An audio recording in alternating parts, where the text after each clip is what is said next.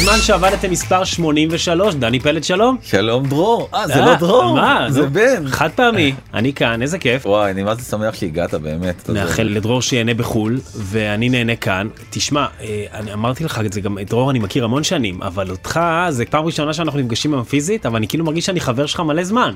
בגלל הפודקאסט. ברור, אני שומע כל שבוע את התוכנית, נראה לי מאז שהיא עלתה. ואתה יודע, זה היתרון של פודקאסט, שהוא כאילו גורם לך להרגיש חבר של המגישים, אתה כאילו מכיר אותם. זה מאוד מחמיא לי. גם אני, אתה יודע, אני יכול להגיד אותו דבר על הרבה מאוד אנשים שאתה רואה אותם בטלוויזיה. לא, זה לא וזה- אותו דבר, זה לא אותו דבר. פודקאסט זה, זה אישי. יש בזה זה משהו אתה איתי בתוך. אתה כל בוקר כשאני בדרך לעבודה או נוסע לירושלים, אתה, אתה איתי. טוב, היום אנחנו חוזרים לנושא הכי מדובר בשנה האחרונה. אני חייב להגיד גם, הוא הפך להיות יצרי בטירוף. אנשים כאילו רבים על זה וצועקים, מתעצבנים, ואו שאתה איתי או שאתה נגדי. אז זה כל נושא ה-NFT, אבל ספציפית אנחנו ניקח את זה צעד קדימה, הדבר הכי חם בתוך ה-NFT זה הנדל"ן. נכון. דירה אז- במטאוורס, קנית כבר? עדיין לא. אני גם לא נראה לי שאני אקנה בזמן הקרוב, אבל uh, אתמול האמת היא, uh, הסתיים אולי הכנס הכי חשוב. של אלה שמאמינים בכת כאילו הזאתי של ה-NFT שנקרא South East South West. זה בעצם כנס כזה שקורה אה, אחת לשנה. שלוש שנים הוא לא קרה בגלל הקורונה. כל מאמיני הכת אה, התכנסו שם ביחד לדבר על המטאוורס ועל ה-NFT ועל כל הטרנדים הגדולים. ומרק צוקרברג הוא אולי בעצם הפך להיות האוונגליסט הכי גדול בעצם של אה, מטאוורס.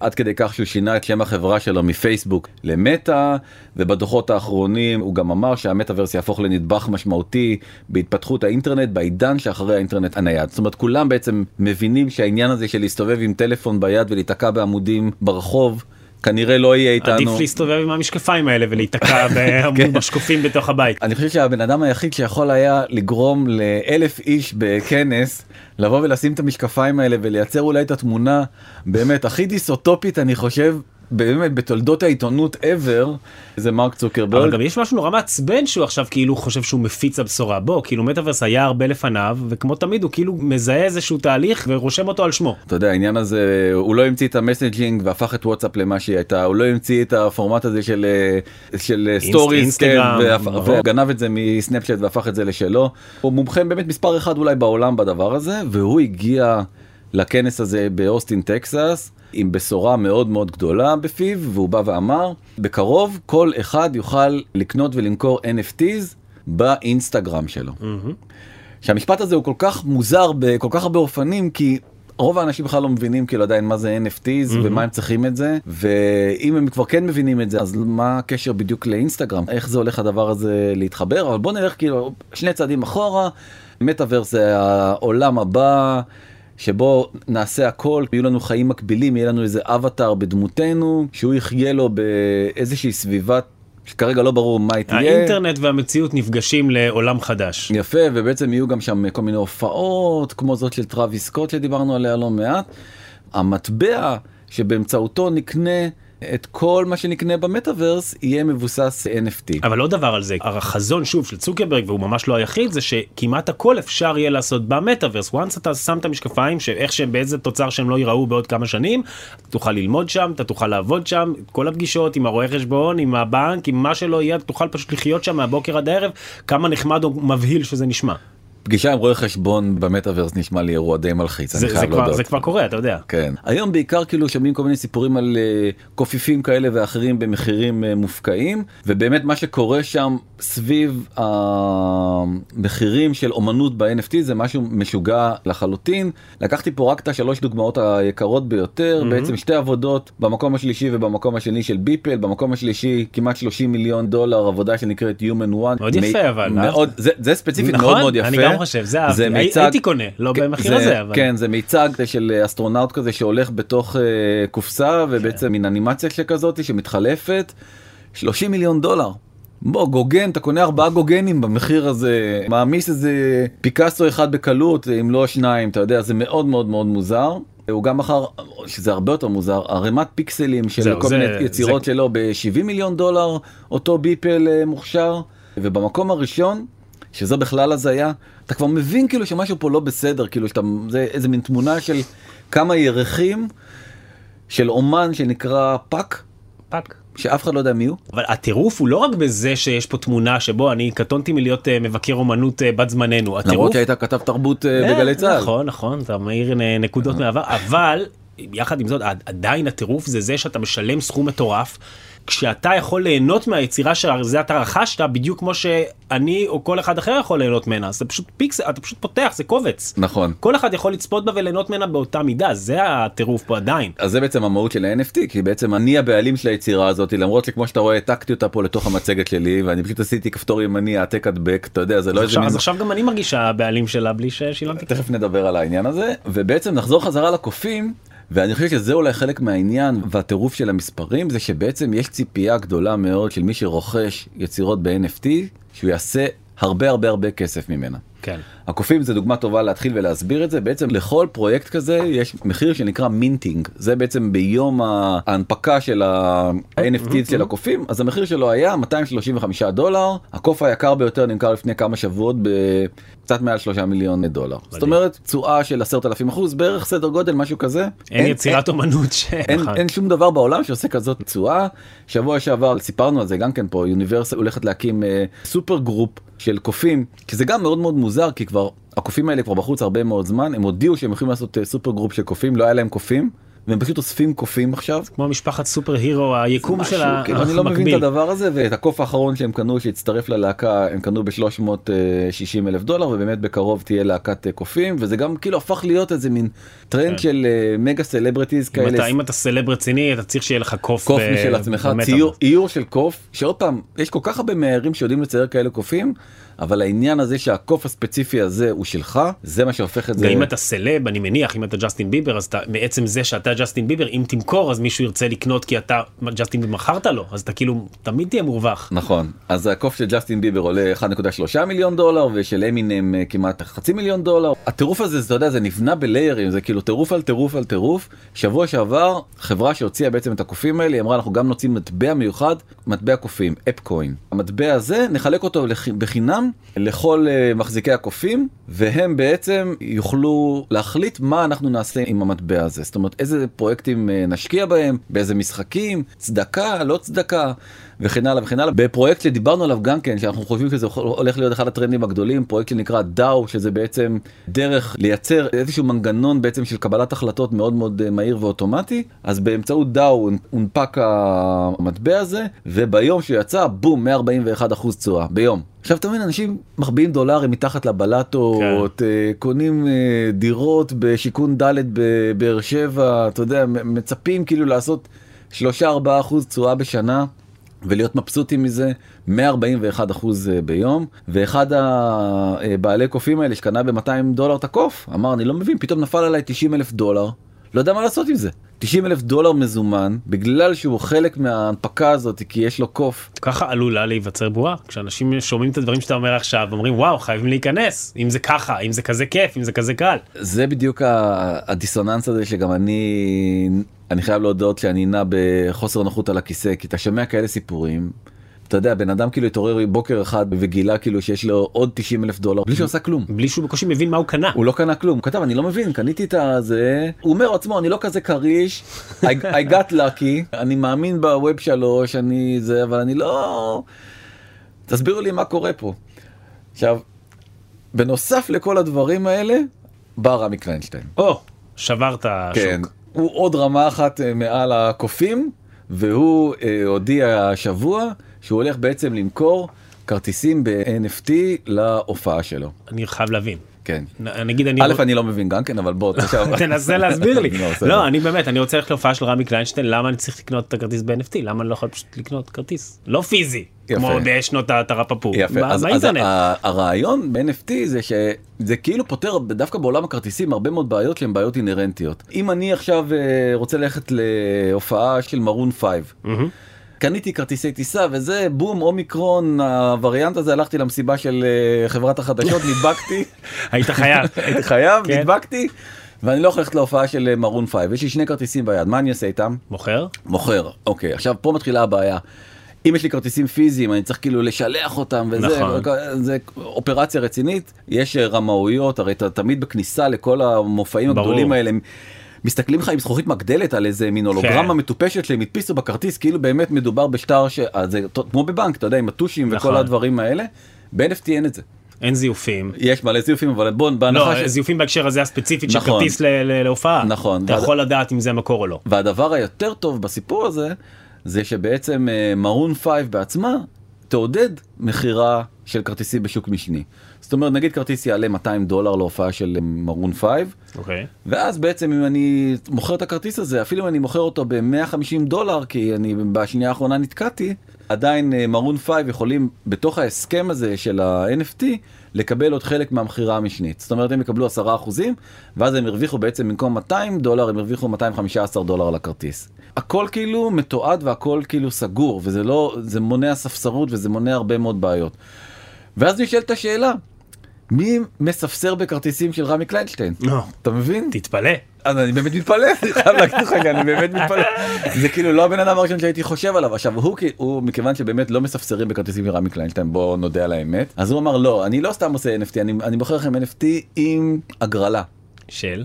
יפה. הכרטיס יעלה סכום צנוע של 200 דולר, אבל תשתתף בהגרלה ואולי יש סיכוי שאני אלווה אותך בדרך לחופה. בקיצור, אני חושב שיש כאן טכנולוגיה מדהימה, מימוש משונה. אני אני שוב אומר כאילו אני שם. אני מנסה למתוח איזשהו קו אין לי בעיה כל בן אדם שרוצה כרטיסים להופעה של רמי קליינשטיין שרוצה שרמי קליינשטיין ילווה אותו לחופה שרוצה כרטיסים לצ'מפיונס ליג לא משנה מה אם אתה מקבל איזשהו ערך אז ה-NFT הוא לגיטימי בתור אה, דרך לטרנזקציה כספית וכמו שאתה אומר יכול להיות שיש בזה יתרונות אה, פה ושם נגד זיופים או דברים מסוימים.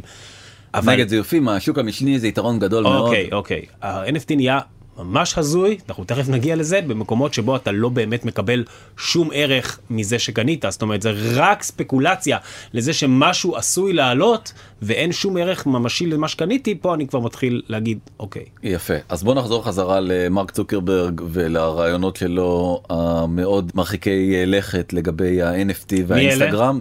אז אה, לקחתי פה זוג, תמונה אחרונה מהאינסטגרם של אה, מר בן מיטלמן. לפני לפני הגעה למסיבת ההדבקה זה התיעוד- האחרון לפני כן, אה, ואתה תוכל לקחת את התמונה הזאת, שזה יהיה collectors item ולמכור את זה ב-200 דולר. ברור אני מוכן גם עכשיו אם מישהו שומע אותנו כן אני לא- אני לא מחכה שזה יהיה NFT כן, אני שולח לכם. אפשר בביט, אתה כן, אומר, לא צריך.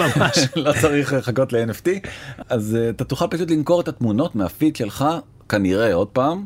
לכל המרבה במחיר או באיזה אופן אחר שאתה תרצה וזה בעצם נותן דרך ליוצרי תוכן להרוויח כסף במקומות שכאילו קשה להם היום מאוד מאוד למסחר את זה גם יוטיוב הודיעה שהיא בודקת אה, איך אה, להטמיע NFTs בתוך הפלטפורמה שלה. וטוויטר שהם הכי קריפטו אוריינטד כבר עשו את זה ובעצם אתה יכול היום להחליף את התמונת פרופיל שלך באיזשהו טוקן של אה, NFT ואז מה שיקרה בעצם לתמונת פרופיל במקום שהיא תהיה עגולה היא תהפוך להיות אה, משושה. או, שינוי, שינוי כן. דרמטי, כן. שנייה אחת דני, הפסקה קצרה לחסות ואנחנו מיד ממשיכים. ועכשיו אני באמת רוצה להגיע איתך לנושא שאנחנו כל הפרק מחכים לו והוא מה הדבר הגדול הבא. נגיד שלא קנית ב-200 דולר אה, קוף קופיף או פנקיסט או כל אחד מהסדרות המאוד מאוד מצליחות שהתחילו בתחילת ה-NFT ואתה אומר לי דני. ונגיד, ונגיד שלא קנית בשני מיליון שקל אה, דירה קטנה באיזה פרבר וגוש דן, איך כאילו הכי נכון והכי חכם אה, להשקיע את הכסף שלך? אני רוצה להציע לך מכשיר פיננסי חדש מאוד מאוד מאוד מאוד מאוד מעניין שהעולם עכשיו בטירוף עליו שווה להכיר אותו האם שווה להשקיע בו. לא. לא נגיד, לא, טוב בסדר אוקיי לא יודע. אתה יודע מה כן לא יודע אוקיי. אה, מסוכן מאוד מסוכן, אבל לא, אה, מסוכן זה בטוח. אבל התשואות שם הן באמת פנומנליות. אני כמובן מדבר על קניית נדל"ן במטאוורס. כן. זאת אומרת במקום לקנות דירה נוספת פתח תקווה? בפתח תקווה נגיד בסדר פתח תקווה שיהיה סובית אז בעצם אולי כדאי לקנות פיקסלים במטאוורס. ונשאל לך שאלה היית רוצה להיות שכן של סנופ דוג דוג? יש לי מצב כאילו ב weekend לצאת ולראות אותו עושה מנגל בחצר? נראה לי שפחות כי זה מדובר בפיקסלים מישהו קנה פיקסל בצמוד לפיקסלים לווילה של סנופ דוג ל- במטאברס? כן, ב-450 אלף דולר ועכשיו הוא שכן של סנופ דוגי דוג. מה בעצם- גורם ל- לנדל"ן להיות יותר יקר כאילו עצם זה שאתה שכן שלו אני מניח שה location הוא חשוב כמו במציאות. נכון אז, אז כל החברות המסחריות עכשיו רצות לשם וזה חלק מהעניין אז רלף לורן אה, דיווחו שבזכות המטאברס בעצם היה להם רבעון מצוין עם גידול משמעותי בהכנסות הם אחד החלוצים אבל איך מה? תכף אני אראה לך בדיוק אוקיי. איך ונייקי אותו דבר והדבר הכי או, הזוי זה מקדונלדס חייבים. רשמה פטנט על בעצם אה, מסעדה וירטואלית במטאברס. שאני לא ברור לי כאילו איך לא- אני איך אני לא- אתה לא איך אני אוכל, אתה לא- שבע לס- מלקנות אתה לא- אוכל וירטואלי כאילו זה לשבוע לא אתה לא באמת- תשבע. כן זה מאוד מאוד מוזר ודיסני מינתה דמות מאוד מאוד בכירה אה, מי שניהל את הפארקים אה, האמיתיים. האמיתיים של דיסני עכשיו הולך לנהל את הפארקים הווירטואליים של דיסני וכמו שאמרת זה בעצם כל העניין הוא סביב location location location.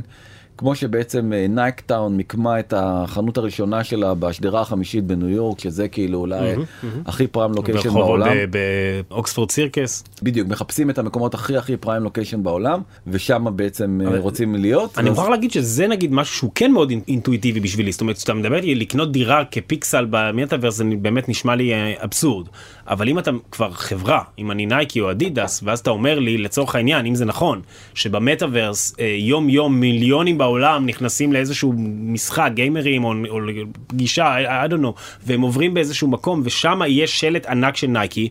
זה מאוד הגיוני זה לא שונה מפרסומת באמת ברחוב כי בסוף מה שמעניין אותם זה כמה זוגות עיניים מסתכלים על השלט שלהם. אני מסכים אבל אז אני יכול לשאול אותך שאלה אם הייתי עכשיו מציע לך לקנות דירה אמיתית במנהטן לא היית קונה? ברור. אוקיי אז זה אותו דבר אותו רציונל. אבל אני יכול ליהנות מהדירה במנהטן. אני יכול לחיות בה, אני יכול להשכיר אותה. אה אוקיי אז כאילו. אני חוזר חזרה למרק צוקרברג מרק צוקרברג אומר שאתה תהנה הרבה הרבה יותר במטאברס מאשר אתה תהנה בחיים האמיתיים. שלך כי אתה תחיה בתוך בעצם איבדת אותי במרק צוקרברג. אוקיי ובעצם יש אה, כבר קוראים להם Big Four ש Big Four זה כמובן כינוי מושאל מענקיות ה accounting. אוקיי. אה, זה קוראים להם Big Four שזה דלויט, PwC, EY ו-KPMG אז בעצם זה אלה ה Big Four ויש Big Four גם בעולם המטאוורסים בעצם יש ארבע חברות שתיים הן אה, מובילות אה, כנראה במרוץ כרגע אחת זה סנדבוקס ואחת זה דיסנטרלנד אבל יש גם את אה, סומיניום ואת אה, קריפטו ווקסלס וכל אחת מהן הקצתה כמות חלקות מוגבלת. אז תשמע, אפרופו מוגבלת, אנחנו מדברים בשבועות האחרונים במיוחד עם התוכנית החדשה של משרד השיכון על הטירוף בארץ, שזה באמת מטורף, זה בעיה חמורה של מחירי הנדל"ן.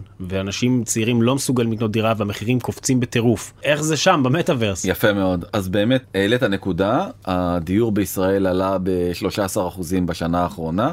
עכשיו תקלוט מה קורה במטאוורס ותבין את ענייני התשואה. זאת אומרת אם חשבת שלקנות אה, דירה לפני שנה זו הייתה החלטה נכונה כי היית מורווח אה, 13% בחצי שנה עוד פעם זה מתוך אה, דוח של ג'יי פי מורגן הבנק הגדול בעולם בחצי שנה 100% תשואה במטאוורס. על כל הביג פור האלה, ג'יי פי מורגן לקחו את כל החלקות שנמכרו בעולם בחצי שנה האחרונה, עשו חישוב מה התשואה הממוצעת. יש אזורים שזה קפץ בהרבה הרבה הרבה יותר, 100% בחצי שנה. ואתה יכול לראות שבעצם גם כן מתוך הדוח של, אה, של ג'יי פי מורגן, כל עולמות המטאוורסים, הטוקנים שלהם, בעצם ה-NFTs שבאמצעותם קונים, קפצו גם כן בצורה משוגעת מאז שבעצם אה, פייסבוק הכריזה שהיא נכנסת לעולם המטאוורס, וג'יי פי מורגן בעצמם, שחושבים שזו הולכת להיות תעשייה של טריליארד דולר אה, בשנה, התעשייה של המטאוורס, פותחת את הבנק הווירטואלי הראשון בתוך המטאוורס,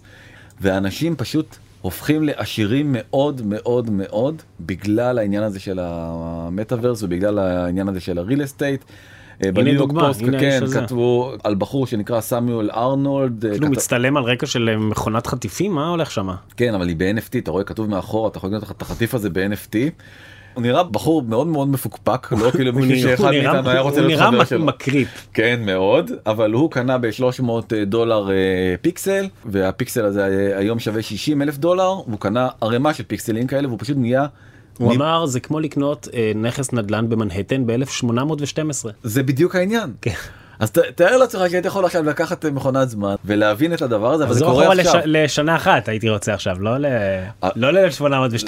זה, זה מדהים ודרך אגב השאלה היא האם בחצי שנה הבאה זה יעלה בעוד או. 200 אחוזים או יתאפס.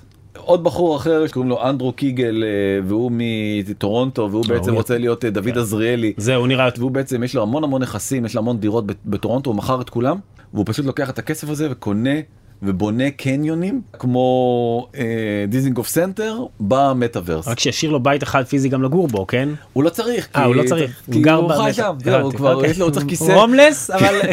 הוא- יש צילום שלו, ראית? יש שם כיסא, הוא צריך אה, כיסא, אוקיי. מסך מחשב, הוא- וזהו, והוא. מסודר. הוא בדיוק, בווי-וורק, והוא יכול, אה, הוא גם יכול להזמין המבורגרים וירטואליים ולחיות על הכיף כיפאק, כמו שאומרים אצלנו, ו- והבחור הזה בעצם אה, מהמר שגם הוא ירוויח המון המון כסף מזה שהוא ישכיר.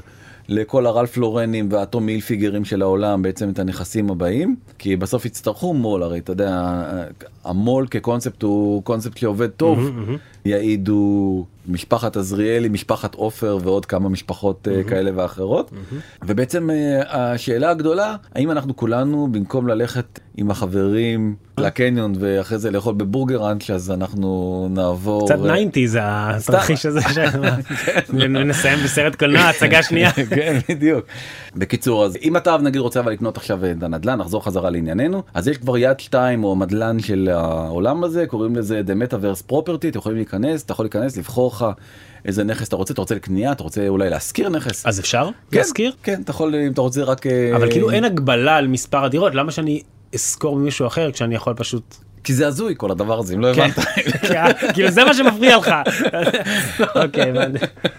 אבל זה בסדר. אה, לא אבל ברצינות כאילו אם אני רוצה דירה במרכז תל אביב ואין לי לקנות אבל יש מישהו אחר שיכול להשכיר לי אבל במטאוורס אתה מבין מה אני שואל כאילו אין הגבלה על מספר הדירות שיש בעולם. לא אז התחלנו הרי אמרנו שבעצם כרגע שהלוקיישן הוא חשוב. לא שגם כרגע הם מגבילים את מספר אוקיי. הלוקיישנים זאת אומרת אה, כל אה, מטאוורס אבל זה כבר מוצע? נותן מספר יחידות בשביל עצמו כן אוקיי, אוקיי. ואז האנשים שבעצם קנו נכסים אומרים אוקיי אבל אני לא מתגורר שם באמת נכון. עכשיו גם לא רק זה גם אפשר להשכיר את זה ל-200 איש מה זה משנה. תחשוב על זה מאוד מאוד מוזר כל העניין הזה קומונה. כן ומשרד אה, אה, ארכיטקט ממיאמי שבעצם אה, תכנן איזה מין מנשן משוגע כנראה לאיזה אה, איש קריפטו עשיר במיוחד מהמם. ומכר לו איזה בכמה עשרות מיליוני דולרים ממש אה, בית על הים בפלורידה. אמר תקשיב אנחנו עכשיו מציעים מעכשיו אתה מקבל שניים במחיר אחד זאת אומרת יהיה לך גם את הבית האמיתי וגם את אותו בית ממש אנחנו נבנה לך. במטאוורס. ה digital twin כמו שאומרים. יכול מאוד להיות שזה יהיה טרנד חדש כזה של אה, משרדי אדריכלות שבעצם ייקחו את התוכניות של הבית ויגידו לך בוא אנחנו בונים לך פעמיים יהיה לך גם את הבית הזה וגם את השכפול של הבית הזה. ב... אה, תחשוב הפוך תחשוב שאתה תבוא במטאוורס תראה בית אמר, אני רוצה כזה דבר באמיתי עכשיו. אני בטוח דרך אגב הבן שלי הגדול הוא אומן אה, מיינקראפט והוא בונה דברים מטורפים אמרתי וואו אם הייתי יכול לקחת את התוכניות שלו ולהעתיק אותם לעולם האמיתי זה היה מדהים וזה באמת מוביל אותי למיינקראפט כי במיינקראפט אה, יש פרויקט שהוא כרגע פרויקט אה, ללא מטרות רווח אבל הוא פרויקט משוגע וחשב עליו בחור בשם אה, פיפן FTS שהוא בחור מפרנקפורט גרמני יוטיובר כזה והוא אמר בוא ניקח את כדור הארץ ובוא נעתיק אותו למטאוורס. זאת אומרת ממש נבנה את כל הבניינים את כל הרחובות את הכל הכל הכל הכל Mhm, כמו אה, גוגל Maps. ב... זה טיפה יכניס קצת היגיון לעולם של הנדל"ן האמת. באיזה מובן? במובן שוב שזה כן יקביל את העולם שאנחנו מכירים מבחינת לוקיישן מבחינת איפה כדאי לגור.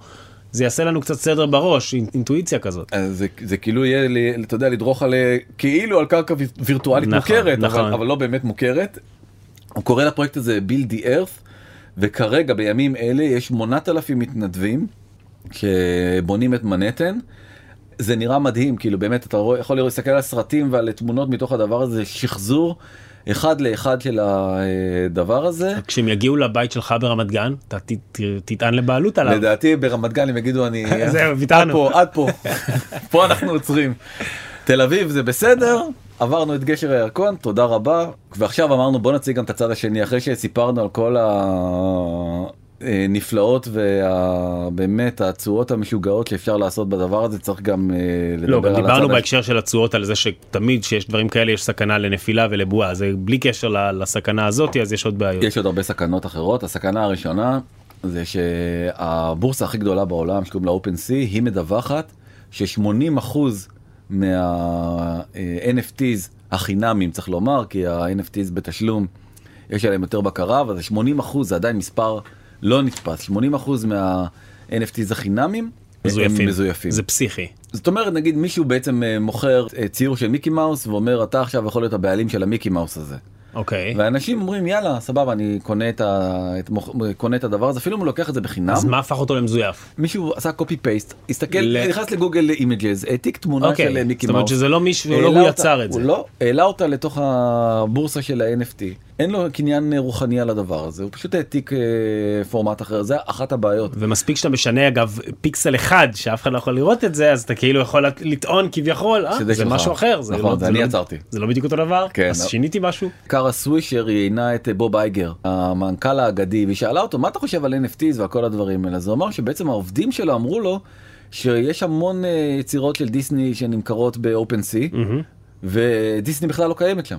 זאת אומרת הכל הכל הכל כל מה שיש שם של דיסני מזויף וזה פשוט אה, זה גם זה בעיה. זה עוד יותר משזה בעיה לצרכנים זה בעיה לדיסני נראה לי מה זה החגיגה על חשבוננו ברגע שאנשים פרטיים עושים את זה זה הופך את העניין הזה למאוד מאוד אה, קשה אה, עבור הפלטפורמה אתה יודע זה אותו דיון שהכרנו גם בפייסבוק וגם ביוטיוב על כמה התכנים הם באמת נכון, שייכים ליוצרים. בדיוק אז זה בעיה גדולה מאוד הרי כל הדבר הזה מתחיל מ- מיוצרים אז אחד היוצרים היותר מפורסמים יש לו בכלל תזה הוא אומר תקשיב כל ה-NFT הזה זה, זה בלוף גדול שכל המטרה שלו זה בעצם לגרום לאנשים שמעולם לא היו כאילו נכנסים לעולם הקריפטו להיכנס לעולם הקריפטו. כי את ה-NFT בעצם אפשר לקנות רק באמצעות איתריומים או כל מיני מטבעות אחרים. כל ההונאה הזאת היא מתחילה רק בעצם כדי לגרום לעוד אנשים להיכנס לדבר הזה ולנפח את הבועה הזאתי. וכמו שאמרנו שיש בעצם את הכת של המתלהבים מ South by Southwest אני חושב שכמויות הביקורת והרעל שקראתי על, ה, על הכנס הזה מעולם לא היה זה אף פעם לא היה כל כך אמוציונלי. סתם אה, דוגמה מתוך וייס publisher גדול מאוד אמריקאי הוא אומר זה pathetic tech future struggles to be born כן אז זה הכותרת של וייס. ווייס כאילו זה כן. אאוטלט טכנולוגי אז כאילו מבחינתו זה עלוב אה, גדול לא אבל גם לחבוט בצוקרברג זה תחביב של רוב ש- ה outletים ש- הטכנולוגיים. נכון ופיצ'בוק אתר דווקא מאוד מאוד מאוד מקצועי שרק מסקר את כל העסקאות אה, את, הם גם את כל העסקאות funding זאת אומרת כמה סבבים כמה כסף כמה אתר מקצועי מאוד מאוד אז הם גם כותבים שזה בעצם איזושהי התנגשות של אה, סמים מטאוורס NFTs ואסיד. אני גם חושב שזה כאילו כבר אה, עכשיו זה שוב זה זה למה אתה קצת מפחד שזה בועה כמו שתמיד אומרים שכשההורים מצטרפים למסיבה זה הזמן שאתה בעצם רוצה לצאת אז כאילו כבר עברנו את השלב שהמאוד מגניבים ומאוד אה, אנשים שחוזים את העתיד עכשיו כבר נכנסו מלא מהפומו. נכון. מהזה שהם פוחדים שהם מפסידים משהו ואו הנה כמו שזה איזה מגניב איזה רווח איזה תשואה וכשכל אלה נכנסים זה מראה שאולי כבר יש בעיה לא תמיד נכון אבל ות- אולי. ותמיד תמיד אלה שבאמת מבינים ואלה שהם הראשונים הם אלה שעושים את הסיבובים הגדולים בדיוק. על גבם של כל האלה שנכנסים אה, אחר כך אבל עוד נתון שכדאי להסתכל עליו זה שגם NFT וגם מטאוורס לפחות לפי גוגל טרנדס כבר פחות מעניינים את הציבור.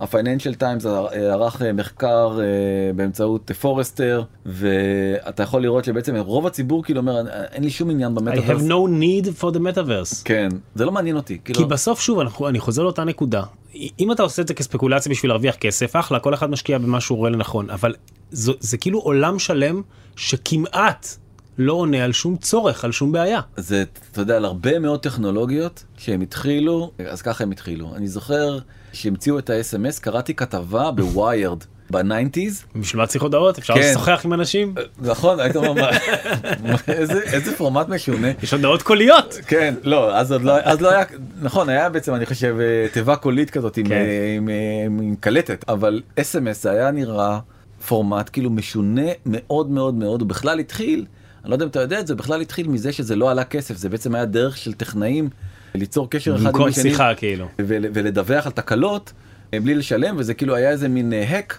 שילדים אה, פינים אה, גילו וככה בעצם אה, התחילו לכתוב אחד לשני הודעות בלי לשלם עליהם אה, כסף. מעניין. אז אתה יודע, אז הרבה מאוד טכנולוגיות, אתה אומר, רגע, אבל אה, כבר התקדמנו מעבר לזה, אז מה אנחנו עכשיו צריכים לחזור אחורה? תנסה להסביר את זה היום ל- להורים, איך הם התמודדו בלי קבוצת אה, וואטסאפ, כאילו זה פשוט נראה להם, אה, אתה יודע, עולם, עולמם חרב עליהם. אה, לא בטוח שאני מסכים כי אני ממש רואה בוואטסאפ אה, היום ערך מטורף אבל שוב זה, זה גם מאוד אינדיבידואלי אני מבין. כאילו, אבל אני אומר, הערך- אדם אחד רואה ערך במשהו שהשני חושב שזה שטות. לא, אני אומר, הערך, הערך, ברור שיש ערך, אני רק אומר שלפעמים הערך לוקח לו זמן עד אהה. שמבינים כאילו באמת איך עושים את השימוש הנכון והאופטימלי, ואותו דבר לג- לגבי המטאוורס, אז כרגע אין אף אחד במטאוורס, זה קצת, אה, אתה יודע, כמו פקס בימיו הראשונים, אז אתה אומר, אוקיי, אבל למה שאני אקנה פקס לפני חייב, כולם. חייב מסה. בדיוק, אני צריך שיהיו הרבה אנשים, או למה שנקנה בילבורד אם אף אחד לא יראה אותו, כאילו מה ההיגיון? אבל אולי, אולי יבואו לשם כולם, ואז תהיה, זאת תהיה המסיבה הכי גדולה, ומי שקנה, אתה יודע, אדמות במנהטן ב-1800, 812. כן, אז אה, אתה יודע, אז קוראים לו רוקפלר, אתה יודע, זה כאילו חלק מהעניין, בסוף... אה, לגמרי. השאלה אם זה יהיה מנהטן או שזה יהיה פתח תקווה, זה בסוף הסתם. אז טוב, זהו. אה, מה רע בלהשקיע בחברות ענן או בצ'יפים? הם גם יהיה להם חלק משמעותי במטאוורס הזה, לא אם- אמרתי, אם זה רק- יצליח. אני רק זה רק לא מביא כזאת תשואה ואם אתה אה, השקעת ב- נכון. אם אתה השקעת באינטל אז הפסדת הרבה מאוד כסף בשנה האחרונה. נכון. מרק טווין אמר קנו אדמה לא מייצרים אותה יותר אז אה, לא מדויק. אז בדיוק אז בחלל, זה- אילון- מאסק. גם בחלל וגם במטאוורס אפשר לייצר כמות אדמה אה, בלתי מוגבלת. אז אה, השאלה הזאת היא באמת לאן זה ילך. דני פלד, איזה כיף היה לי. גם לי תודה רבה שבאת. נהניתי נורא, המון תודה. שבוע הבא יחזור לכאן אה, דרור גלוברמן כמובן, ובינתיים אפשר ליצור איתנו קשר במייל בזמן שטרודל קשת מינוס טיווי נקודה קום, נכון אומרים מינוס טיווי, או בוואטסאפ 03 767 60 12 767 60 12 אפשר למצוא אותנו במאקו ב-N12 ובכל אפליקציות הפודקאסטים, ככה אני תמיד שומע את הפוד כל שבוע. נגיד תודה רבה לאפרת מירון ובר כץ האורחים, נטע ספילמן המפיקה, תומר וולף ומוטי אוננה על הסיוע הטכני, ולחברים בנקסטר, זוהר צלח, ניצן כרמלי ודנה גוטרזון. אני הייתי בן מיטלמן, תודה רבה, דני. תודה רבה בן כיף שבאת.